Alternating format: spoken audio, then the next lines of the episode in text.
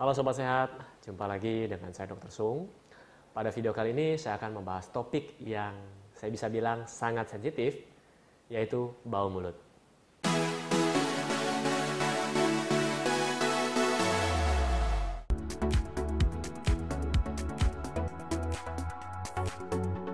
Sobat Sehat, kita semua pasti pernah mengalami masalah ini, yaitu bau mulut atau halitosis. Sebenarnya ini adalah masalah yang simple, sederhana, tapi terkadang ini adalah masalah yang sensitif. Kenapa saya bilang sensitif? Saya berikan contoh seperti ini. Mungkin teman Anda ada yang bajunya terbuka, kancingnya lupa dikancing. Ya.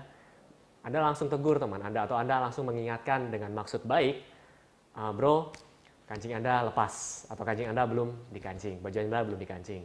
Atau teman Anda yang tali sepatunya terlepas, anda gampang mengingatkan, hei tali sepatu Anda lepas. Tapi coba teman Anda yang ketika berbicara mulutnya bau.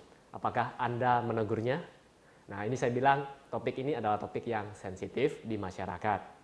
Tapi jika dibiarkan juga akan mengganggu kinerja Anda dan ya tentu saja bagi Anda yang sedang pacaran mungkin ini tidak baik buat Anda. Bukan hanya itu, bagi Anda yang mulai melamar pekerjaan atau melakukan karir, ini sangat mengganggu. Ya, Oke, mari kita bahas. Banyak orang mengatasi bau mulut ini dengan menggunakan mouthwash. Saya bisa bilang mouthwash tidak menyelesaikan masalah. Jadi, jika Anda ingin menyelesaikan masalah, Anda harus mencari penyebab kenapa mulut Anda bisa bau.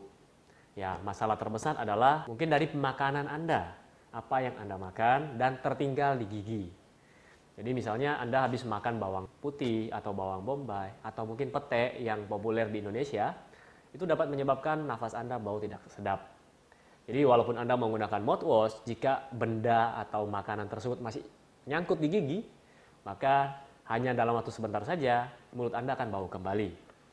Lalu masalah berikutnya adalah bagi Anda yang giginya bolong, busuk, ya banyak terkumpul bakteri di sana, Nah, ini juga dapat menyebabkan bau mulut.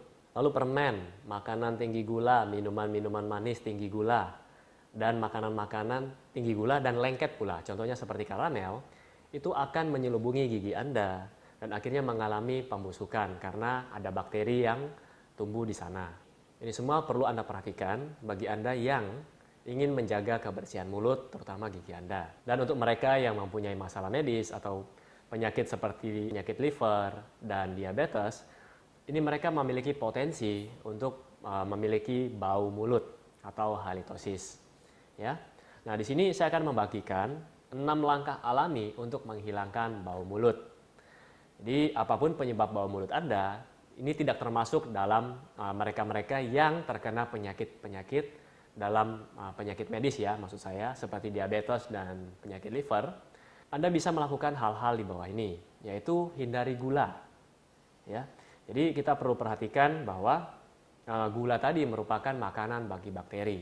Jadi jika ada gula yang tertinggal di dalam mulut Anda, ini akan menyebabkan bakteri tumbuh dengan cepat di sana dan menyebabkan bau mulut. Jadi dengan Anda mengurangi konsumsi gula, menurunkan tingkat konsumsi gula, sebenarnya Anda telah mengurangi resiko untuk bau mulut tadi. Dan juga baik untuk bagi Anda yang ingin menurunkan berat badan. Ya.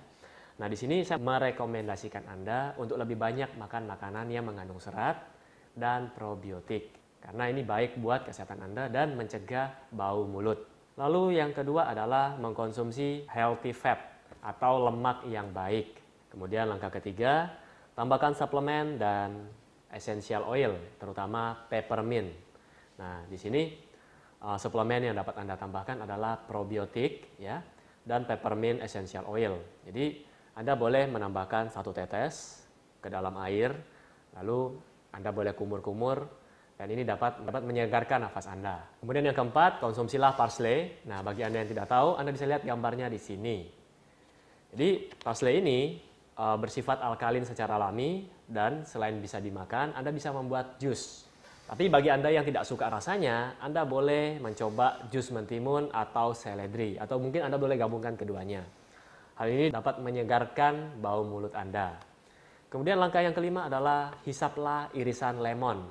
Nah, di sini irisan lemon ini sangat bermanfaat bagi Anda yang baru saja mengkonsumsi bawang putih atau bawang bombay atau mungkin bagi Anda yang mulutnya kering.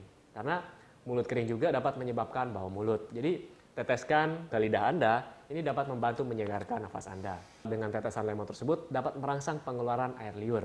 Yang terakhir adalah minumlah banyak air putih. Air putih di sini yang saya maksud bukan susu, tapi air minum ya. Nah, berapa banyak yang harus saya minum, Dok? Saya sudah pernah jelaskan di video sebelumnya, yaitu 40 cc dikali berat badan Anda. Jangan terlalu sedikit, jangan juga terlalu banyak. Oke, semoga informasi yang saya berikan ini dapat bermanfaat buat Anda semua. Dan saya harap tips-tips uh, yang saya berikan dapat Anda lakukan. Dan seperti biasa, bila Anda menyukai video seperti ini, silakan klik subscribe di bawah ini, like, dan share pada teman-teman Anda. Sampai jumpa di video saya selanjutnya. Salam hebat luar biasa.